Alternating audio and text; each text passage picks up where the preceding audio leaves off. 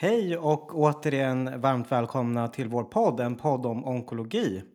I dagens avsnitt så kommer vi att avhandla ett till avsnitt baskunskaper, den här gången ABC om kolorektalcancer. Lisa är med idag. Hej, hej! Och vi har vår gästexpert Helga Hagman med oss också. Hej! Varmt välkommen Helga. Tack. Vi tänker att du skulle kunna få börja med att presentera dig. Men för den som lyssnar kan det vara bra att känna till att det här är ju ett tumörgruppsområde som är ganska stort och vi tänker oss att vi därför har delat upp det här i som två avsnitt. Det här avsnittet kommer handla lite grann om en del bakgrund eh, vad gäller den här sjukdomsgruppen och vi kommer att prata lite grann om behandling av lokaliserad sjukdom. Och sen har vi ett separat avsnitt som vidrör metastaserad sjukdom. Helga, vill du berätta lite vem du är? Ja, eh, jag är då rent yrkesmässigt GI-onkolog och jobbar i Malmö-Lund på SUS som överläkare där. Och jag är från Lund ursprungligen. Jag jobbar också nu med eh, undervisning och är amanuens sedan några år tillbaks på läkarlinjen. Kul. Jag eh, minns dig väl från, eh, som ST-läkare finns ju en, en kurs i nedre GI-tumörer. Där träffades vi också. Ja, det gjorde vi. Mm. Om vi börjar Helga, lite så i bakgrundsspåret. Eh, kolorektal cancer, tjock och ändtarmscancer. Man tänker ju säga att det är en vanlig sjukdom. Är det det? Ja, men det tycker jag man ska säga att det är. Eh, det är ju, brukar säga att det är den tredje vanligaste cancersjukdomen. Och eh, den ökar ju, antalet eh, fall ökar. Och hur vanligt det är så brukade jag faktiskt förr säga att det är ungefär 6 000 fall i Sverige per år och ungefär då två tredjedelar av dem är koloncancer. Men idag om man tittar på siffrorna så ligger antalet koloncancerfall över 5 000 och antalet rektalcancerfall strax över 2 000 per år i Sverige. Så det ökar. Är det alla grupper den här sjukdomen blir vanligare hos? Alltså om man tänker ålder, kön? Ja, men det är en jättebra fråga och det är en intressant fråga för det diskuteras lite nu. Det man ser är att det ökar, framförallt koloncancerfallen ökar i åldern under 50 år. Okay. Och det gäller egentligen liksom i världen. Det här är ju västvärldens sjukdom framför allt.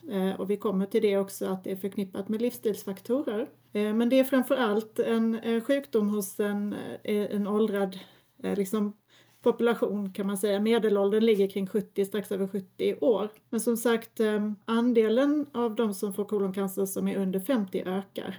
Och man beräknar faktiskt att kring 2030 så kommer det vara kanske ungefär en 10-20 procent som är under 50 medan den siffran nu ligger på 5-10 procent eller har legat på 5-10 procent för några år sedan. Och de här patienterna, eh, hur kommer de in till sjukvården i regel? Ja, nu har vi ju initierat ett screeningprogram i hela Sverige. Det har ju varit igång sedan flera år tillbaks i Stockholm-Gotland-regionen så att en del fall ser vi nu faktiskt på våra MDK kommer via screeningprogrammet. Eh, och det kan vi prata mer om. Men eh, det är ju också så när vi införde SVF-förloppen att en hel del patienter kommer via koloskopier som är initierade via SVF då. Sen är det ju såklart en hel del fall som kommer och söker med, med lite liksom senare stadier då och där man har mer symptom såklart som kommer in som iliusfall eller oklara buksmärtor och man hittar metastaserad sjukdom. Kan du bara kort nämna vad det här screeningprogrammet är? Mm. Det har ju debatterats och det vet ni att all screening är fortfarande under debatt.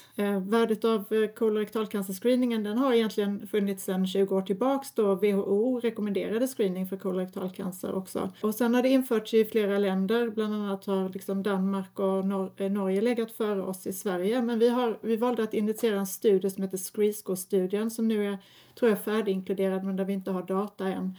För att se hur så att säga screeningprogram skulle fungera i Sverige. Alltså det här screeningprogrammet är då upplagt på det sättet att man skickar hem provtagning till eh, den åldersgrupp som man vill screena och provtagningskittet innebär att man eh, får testa för blod i avföringen och de som har blod i avföringen blir kallade till eller erbjudna då en sigmoideoskopi eller som i vårt screeningprogram då en koloskopi. Och då är det ju inte alla som kanske väljer att gå på den eh, skopiundersökningen. Så det är därför screeningen är liksom en tvåstegsraket kan man säga. Och de här testerna skickas då det är lite olika, har varit lite olika olika regioner och eh, länder men eh, mellan 60 och 74 år ungefär så får man ett sånt här prov i brevlådan vartannat år och som sagt eh, är det negativt då för för blod i avföringen så behöver man inte koloskoperas. Det är nu ganska smidigt och icke-invasivt screeningsätt. tycker jag. Ja, och man kan ju säga att det, det intressanta är ju, det är inte ett vanlig röntgen, att göra en koloskopi kan ju faktiskt leda till vissa komplikationer, så det är också viktigt att ta hänsyn till. Och det är ju något som många kanske förknippar med obehag och sådär. Men eh, det som är bra med just eh, skopin är ju att man faktiskt kan preventivt ta bort eh, små polyper som man hittar, som kanske inte var de polyperna som gav utfall i blod i avföringen men som faktiskt så småningom skulle kunna leda till cancer. Så det är ju därför det här är ett effektivt program också. Man beräknar att ungefär 300 till 400 dödsfall om året kan, kan eh, sparas med eh, screening. Det är ganska bra siffror tycker jag. Och om man Bortsett från ålder som ju är det man använder sig av i den här populationsbaserade typen av screening. Du nämnde att det finns ett antal riskfaktorer som är förknippat med kolorektal cancer. Skulle du kunna nämna några fler? Ja, det är ju då som sagt en liksom livsstilssjukdom. Det man vet är att eh, intag av rött kött, men framförallt det processade köttet, kanske också liksom hårt bränt kött och så, att det är det som är den främsta riskfaktorn vad gäller födoämnen. Då. Men man har också sett tydligt att eh, högt intag av fibrer, frukt och grönt eh, minskar risken. Det är klart att de här faktorerna hör ihop lite grann. Vi kan se det då också på epidemiologiska data i hur det ser ut i olika länder där liksom Centralafrika och Indien har väldigt få fall jämfört med västvärlden, Nordamerika, Europa och så, Australien. Och eh, sen är det då fetma och alkohol som också hör till livsstilsfaktorerna som vi ser är associerade med, med ökad incidens. Så ett, eh, ändå ett antal av de här eh, klassiska faktorerna som, som vi vet ökar risken för många olika tumörsjukdomar men kanske lite mer så födointag med det här rött kött och processat kött. Ja men precis. Jag tror ju att eh, det här med tarmflora kommer att vi kommer lära oss mycket mer om det också. Och det är ju intressant eftersom vi pratar om tarmen här. Men tarmflora som ni vet kan ju spela in i många olika sammanhang då och har säkert en koppling till epigenetik och immunologi och så som, som vi inte kan så mycket om än idag men som vi kommer lära oss mycket mer om. Mm, tarmfloran är ju oerhört eh, ett hett ämne och har varit det under lång tid nu så det blir jättespännande att se vad det leder till. Eller hur? Om jag skulle börja forska idag så skulle det vara det området jag kastade mig in i. Ja, också eh, väldigt lockande att tänka att man med hjälp av en tablett med olika bakterier skulle kunna liksom, göra en fekaltransplantation och kanske då förbättra utfall vid olika behandlingar eller minska risken för att man får en tumör. Eller flytta liksom mycket av det här vi vill hitta olika sjukdomar genom blodprov. Att man kanske kommer att kunna förutsäga det genom olika ja, tarmflora. Ja, precis. precis. Liten utsvävning. Men eh, Helga, om man inte är en patient som kommer in i ett utredningssystem via screening om vi vidrar lite kort, vilka symptom brukar de här patienterna ha som liksom har lett till att man hittar den här sjukdomen? Mm, det är klart att det skiljer sig lite åt från rektalcancer och koloncancer då, men en del koloncancer kan ju växa sig ganska stora utan att man märker av det. Och då kan det ju vara tarm, förändrade tarmvanor som är det, liksom man märker av, man kanske har gått med det länge. Det vill säga växlande förstoppning, diarréer, upps, uppspändhet och så. Och eh, en del får då så, småningom struktursymptom som gör att man får eh, besvär med eh, Sibelius ilus attacker. Eh, rektalcancer, där är det ju mer, där ser vi ju mer färskt blod i avföringen. Eh, många som kanske tror att det är hemorrojder och går och väntar länge på att söka och så. Eh, rektalcancer kan ju då också ge upphov till såklart också struktursymptom, smärta och, och tenesmer. Och de här patienterna som liksom första del i sin utredning. Vilka driver den utredningen primärt? Mm. Men det är primärvården i stort eh, som tar hand om SVF-erna. Det är ju där många så att säga koloskopier eh, via SVF-erna kommer ifrån. Men de kan ju komma från många andra ställen. Vi ser en ökad, faktiskt ökad patientgrupp som kommer via vårt diagnostiska centrum också. Mycket koloncancer som, som kommer den vägen. Och ert eh, diagnostiska centrum det är för oss om man inte vet? Ja, nej men det finns ju några stycken i Sverige som eh, driver eh, snabbspår för utredning av framförallt misstänkt cancer då, men även andra sjukdomar som, som kan gå under eh, det vi kallar för ospecifika symptom. Ja, okej. Okay. Mm. Feberutredningar och så. Mm. Och vi gör ju de här programmen och, och riktar oss i huvudsak mot onkologer, yngre onkologer. Som onkolog när kommer man i kontakt med de här patienterna i liksom utredningsförlopp eller behandlingsförlopp? Ja, det är såklart långt ifrån alla fall vi ser. På våra MDK, så sitter man på en MDK så kommer man i kontakt med patienterna där, fast utan att träffa dem då. Men på våra MDK så har vi då i stort delar upp det mellan preoperativa och postoperativa fall. Och de preoperativa fallen av eh, både kolon och rektalcancer kommer ju inte alltid till onkologen. Men det är ju där vi tar ställning till om man behöver någon förbehandling innan kirurgi. Och där är det ju då en remiss som kan komma till onkologen eh, för neoadjuvant behandling. Vissa fall är då palliativa, vissa är vi i gränslandet mellan kuration och palliation. Och sen har vi ju då de postoperativa remisserna där eh, patienten har gått till kirurgi och sedan diskuterar vi postoperativt om det finns indikation eller så att säga klinisk nytta av att ge ytterligare onkologisk behandling adjuvant. Och om man ska börja gå på de här MDK-erna, eh, om vi säger att vi för enkelhetens skull ja, delar upp det som i en preoperativ MDK och en postoperativ. Vilka saker vill du känna till? Va, vad behöver du veta om i diskussionen på en rond för att kunna fatta ett beslut om behandling? När det gäller preoperativa fall så är det ju såklart så att vi behandlar koloncancer och rektalcancer väldigt olika preoperativt. Så där, eh, om vi ser till vad vi behöver veta så behöver vi ha mer information vad gäller rektalcancerfallen för att kunna ta ställning till om patienten ska ha onkologisk behandling innan eller efter. Och då behöver vi både en CT-thoraxbuk, det gäller för hela gruppen, men för rektalcancerfallen så vill vi ha en MR-rektum eller MR-bäck. Och eh, vi brukar då också såklart vilja ha en biopsi så de flesta patienter är redan skoperade. Där har vi en biopsi som bekräftar adenokarcinom. Det finns ju differentialdiagnoser såklart långt ner i ändan som kan till exempel vara eh, analcancer eh, om det sitter väldigt distalt. Men när vi då har bekräftat adenokarcinom så vill vi också ha en MMR-färgning och det gör vi idag sedan några år tillbaks i Sverige på alla kolorektalcancerfall oavsett stadie, Eh, oftast redan då på PX.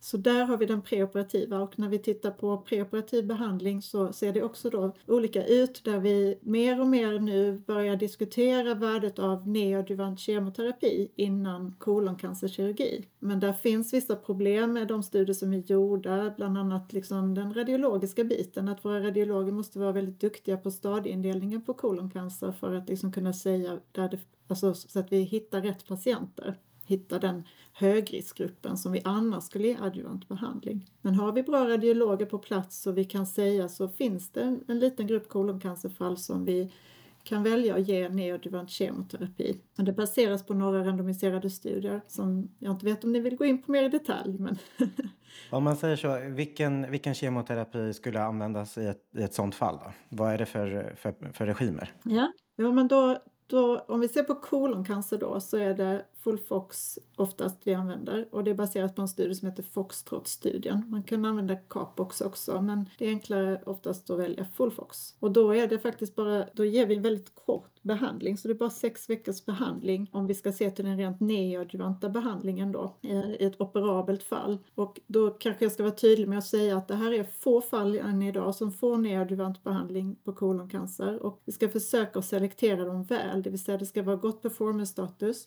det får inte vara DMMR, alltså de här patienterna ska vara mikrosatellitstabila tumörer. För att vi har sett att DMMR-tumörerna de svarar inte så bra på kemo och det går mycket sämre för dem om man ger neoadjuvant behandling. Dessutom ska patienten då förutom att vara gott performance-status inte ha några obstruktiva symptom av sin tumör. Så man ska liksom kunna klara av den här eh, tiden innan operation. Eh, och sen helst T4 och vi brukar selektera N2 också men det är lite omdebatterat ännu. Vi får se vad nästa, nästa version av, av eh, vårdprogrammet kommer landa i men det är upp till MDK att besluta. Eh, såklart är det så att om vi har ett lokalt avancerad koloncancer, det kan vara en, T4-tumör som växer eh, lokalt avancerat ut mot bukvägg och så, om man bedömer att det är inoperabelt eller på gränsen till inoperabelt eller man behöver recessera andra organ eller göra större kirurgi så kan det vara värdigt, värdefullt att ge kemoterapi innan och då brukar vi kalla det för konvertering och då ger vi ofta också oxaliplatinbaserad kemo då, men kanske lägger till en antikropp till och med för att få ännu bättre effekt. Och då brukar vi vilja ha så att säga mutationsanalysen gjord också såklart på den gruppen. Behöver man mutationsanalyser alltid i, i den preoperativa utredningen? Då tänker vi nog på BRAF och KRAS och men det är en jättebra fråga. Nej, säger jag då. Därför att på stadium 1 till 3 så gör vi inga NGS-analyser. Vi gör inga mutationsanalyser för det kommer inte spela någon roll för resultatet. Och det enda undantagsfallet är som jag sa en lokalt avancerad koloncancer där vi kanske skulle behöva genom tilläggsbehandling. Men när det gäller stadium 4-gruppen då så, och det kommer vi komma in på också här, kommer vi in på de här multidisciplinära besluten och kirurgiska besluten.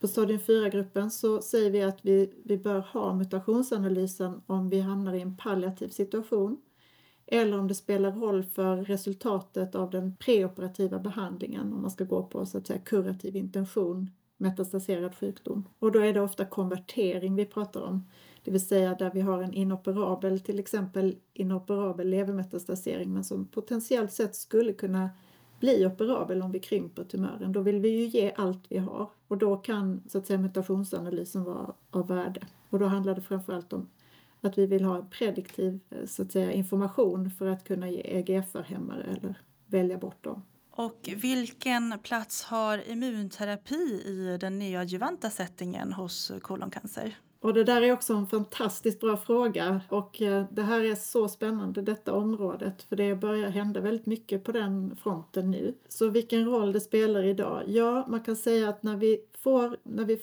får veta att en patient som har en operabel tumör i kolon eller rektum, en, en maxstadium 3, har en DMMR, då börjar vi fundera, är det här en patient som kanske skulle kunna slippa kirurgi? Det är liksom det som vi är intresserade av att med de här immunterapiregimerna kunna selektera fram så småningom. Och framförallt då för rektalcancerpatienterna där det kirurgiska ingreppet är mer mutilerande, kan innebära liksom rektumamputation och stomi livslångt och så. Och även förenat med mycket komplikationer och så. Så det finns en liten studie på DMMR rektalcancer som har fortsatt att rekrytera patienter men som presenterades för något år sedan nu med stående ovationer där 12-13 patienter hade komplett respons på immunterapi, på, alltså checkpointhämmare då på, på rektalcancer och så och slapp operation då. Nu håller vi på med, med en studie på koloncancer. I Sverige har vi precis börjat inkludera i en studie som heter ACO2-studien där DMMR koloncancer inkluderas då. Och då är det en perioperativ strategi så då ger man både Dostarlimab, då, den här checkpointhämmaren, före och efter kirurgi och jämför med standardbehandling. Det är verkligen superhäftigt, så tilltalande. Liksom att kunna komma ifrån de här stora kirurgin om det går bra. Mm. Ja, och det är viktigt som med all precisionsmedicin såklart att bara poängtera att det här är ju inte för alla då. Och det är ju det är lite olika olika liksom, kort men om man tittar på de låga stadier så är DMMR, alltså MSI high-patienterna ungefär 15 procent och i stadium 4 så är de färre. Där är det ungefär 5% som är DMMR. Men väldigt tilltalande ändå för den här lilla andelen patienten som eh, då verkar ha ett oerhört bra svar på immunterapi. Det är fantastiskt. Ja, verkligen. Kul också med stående ovationer på en GI-studie. Mm, precis. Skulle man varit med. Om man tänker just rektalcancer då i en preoperativ situation. Vi pratade om koloncancer och att i selekterade fall så kan man ge neoadjuvant behandling, neoadjuvant kemo. Hur är det vid rektalcancerfallen då? Ja, där eh, blir det lite mer komplicerat om man säger så, men där är också neoadjuvanta behandlingen mer etablerad sedan många år tillbaka. Och eh, det kan vara roligt att veta, rent historiskt så har Sverige spelat en väldigt stor roll i det här med att etablera eh, framförallt strålbehandlingen preoperativt för rektalcancer på det sättet som vi gör idag, åtminstone i Sverige. Det kan också vara bra att känna till att det är inte alla som har anammat den strategi som vi har vant oss vid i Sverige. Och inte ens bland de nordiska länderna har det sett likadant ut. Men vi börjar nog nu mer och mer bli lite mer likriktade i världen.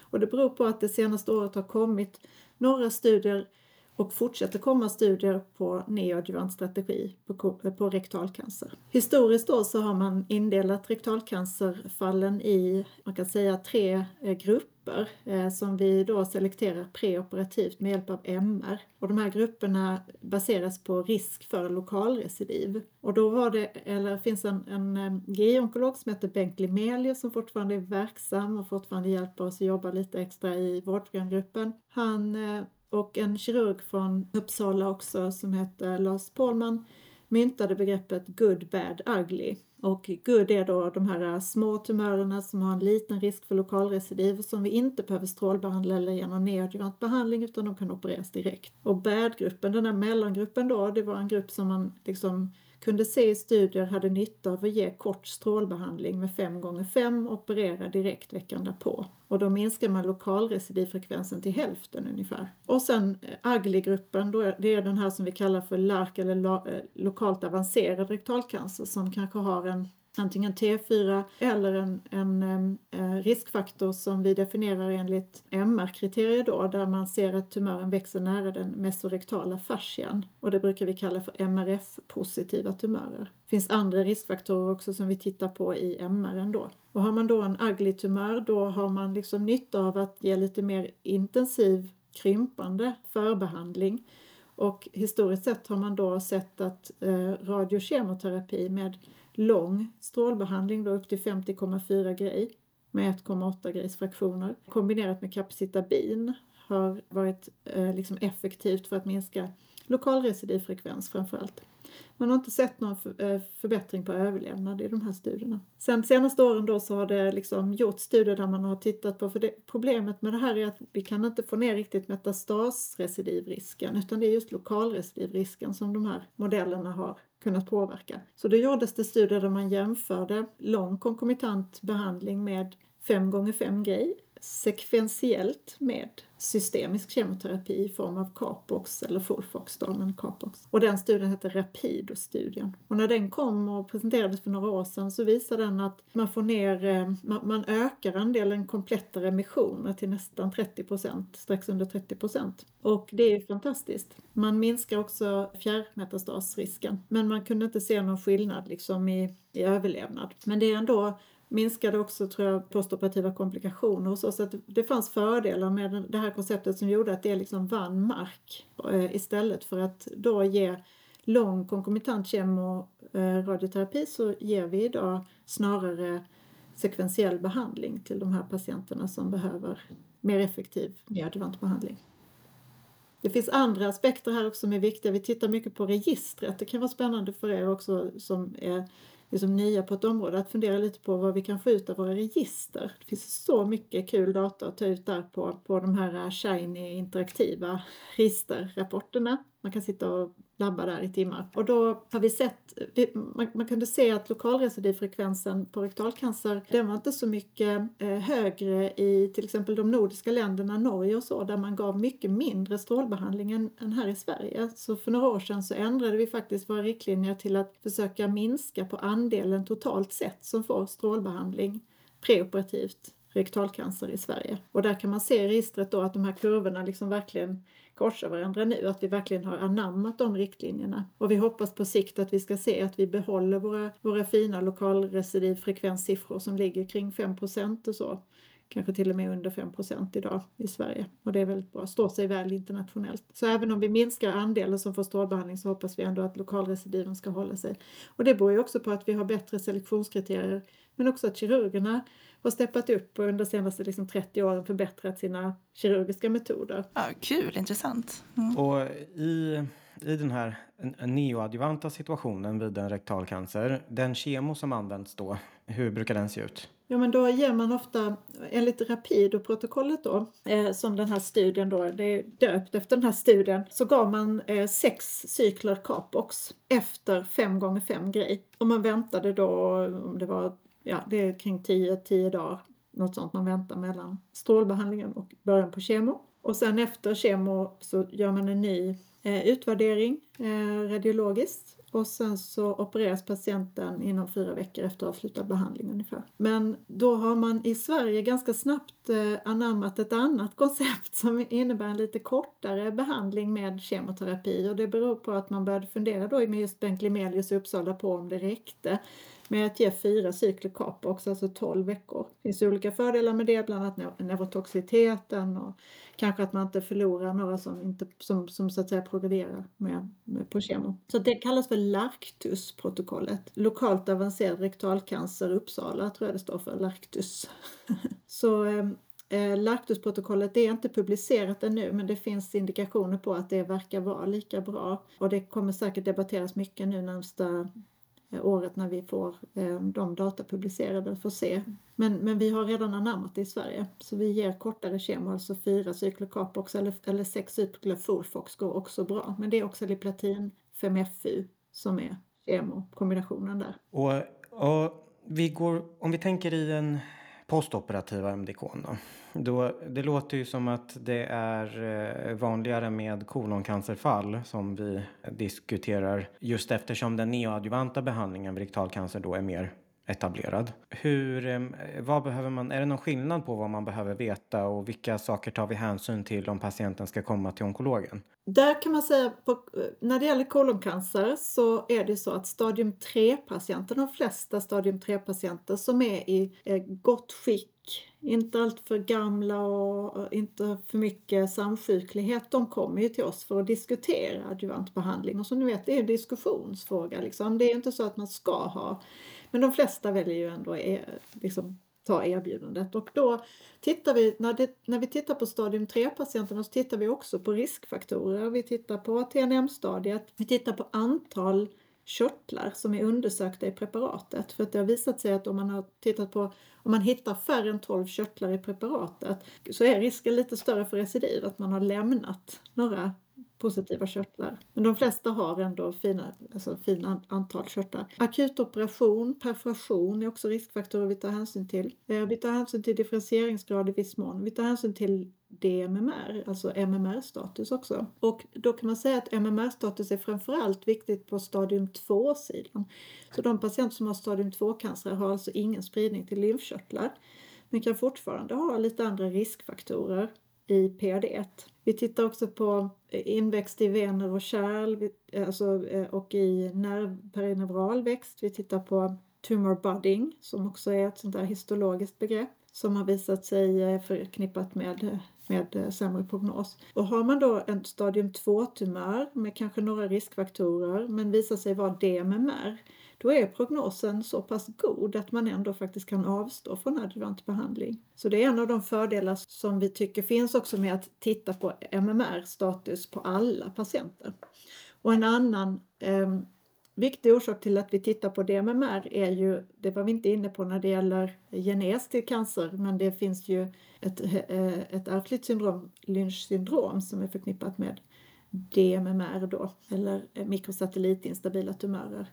Så det är också en screeningmöjlighet eh, då att vi kan hitta fler Lynch syndromfall. Så det är de, de bitarna vi tittar på eh, postoperativt. En spekulation om man sitter på en MDK och är på en sån postoperativ MDK och patienten har fått neoadjuvant behandling.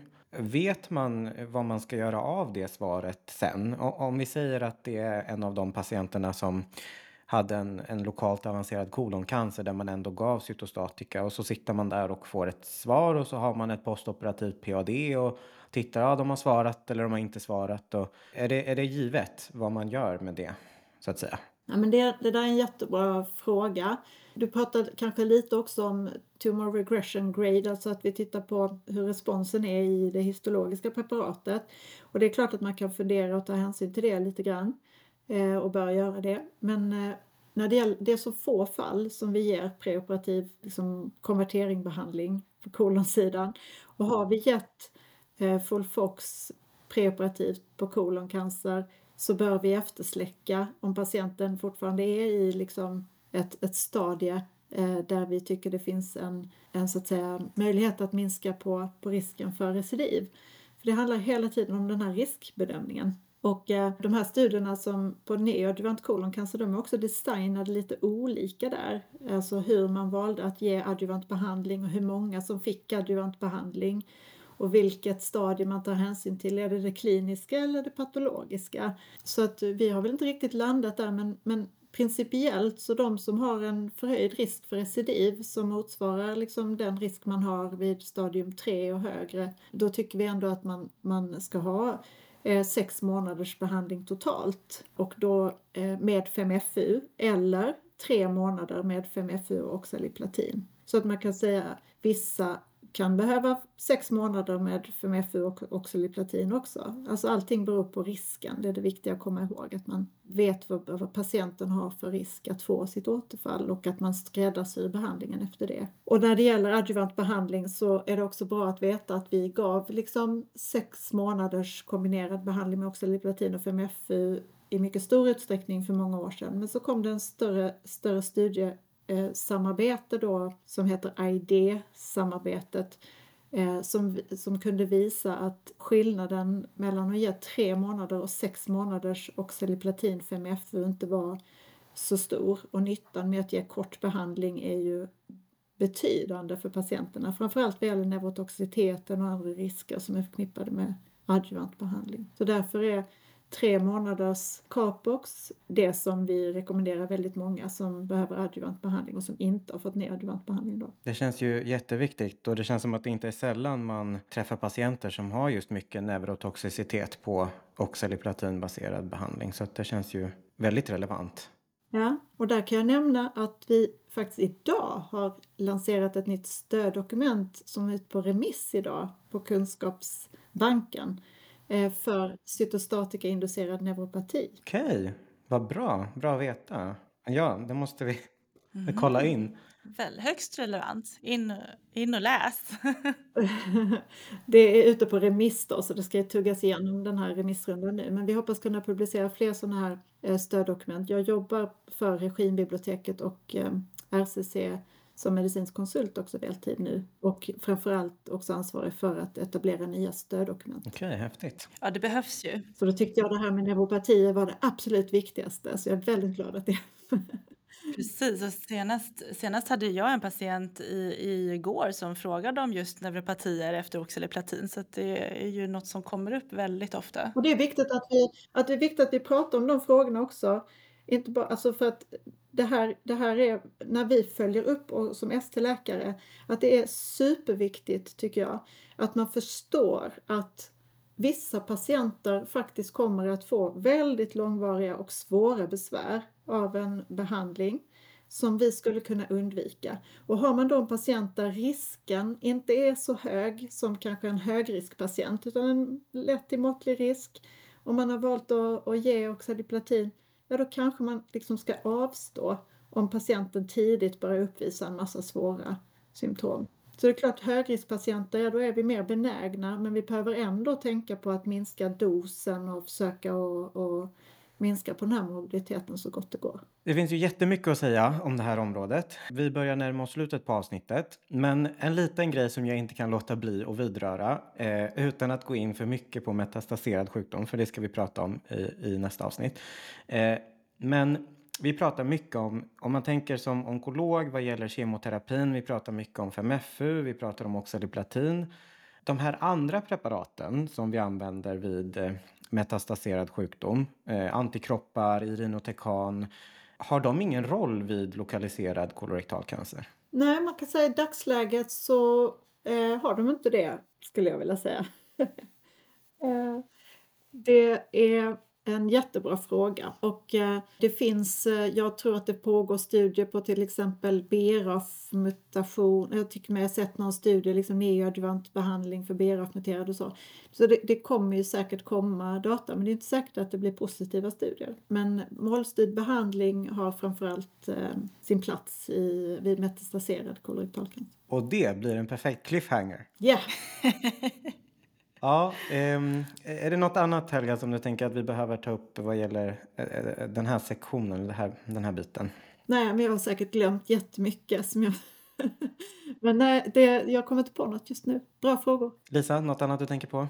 Nej, jag tänker att det är ett svårt ämne att beröra på 40 minuter så att det sammanfattar det här samtalet väl och vi är oerhört glada över att ha fått prata med dig om kolorektalcancer eh, för första avsnitt i alla fall. Så nu tänkte vi att vi, vi kommer ju ha ett till avsnitt där vi berör ännu mer del två, metastaserad sjukdom. Det blir bra. Yes, jag ser fram emot det. Mm, bra, men då tackar vi för nu idag eh, så kommer vi återkomma till nästa avsnitt. Tack Helga! Tack, hej! Tack så mycket!